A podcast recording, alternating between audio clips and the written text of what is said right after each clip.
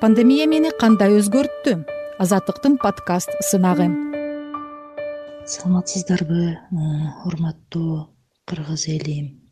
Пандемия эң биринчи мени кандай өзгөрттү? Башка көп адамдарды ойлонткондой эле мен дагы эң биринчи өлүм жөнүндө көп ойлондум. Балдардын келечеги ата эненин кадыры алардын өмүрү жөнүндө көп ойлонууга аябагандай шарт түздү деп ойлойм. Көптөгөн көз жаштар акты жашоонун ушунчалык татаал болуп баратканы алдыдагы жакшы күндөрдү дагы көрбөй калабызбы деп дагы коркуу сезим болду. Канчалаган үй бүлө жумушу жок ачка ыйлап отурганы.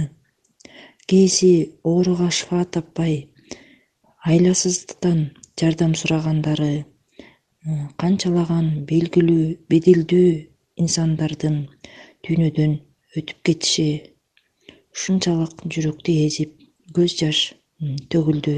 Ошол эле учурда оорунун эң курч кезинде врачтарыбыздын абалы бейтапканадагы ооругандардын үндөрү ушунчалык адамдын жүрөгүн титиретип кандай жардам берериңди дагы билбейсиң. Эмне кылып кантип бир өзүңдүн пайдаңды тийгизериңди билбей өзүңдүн ордуңда эле тыырчылаганың бул эң эле өкүнүчтүүсү жана бир сабырдын кетиши экен. Ошондой эле ата энебиз ооруп калбаса экен балдар ооруп калбаса экен ушуларды бир кандай кылып сактап калсам экен деп мындай жандалбастап бир энелик э, мээрим ойгонду десем дагы жаңылышпайм. Андан дагы эң башкысы эркиндикти самадык. Мурда ээн эркин басып э, кошунаныкына кирсек дагы жумушубузга барсак дагы эркин жүрчү экенбиз. Бирок ошону баалабаптырбыз азыр капастагы чымчык сымал бири бирибизден кооптонуп бири бирибиздин үйүбүзгө эркин кире албай өзүбүздүн үйүбүздө гана турууга туура келип атат. Ошондуктан тизе бүгүп баардык жан дүйнөм менен жараткандан суранат элем.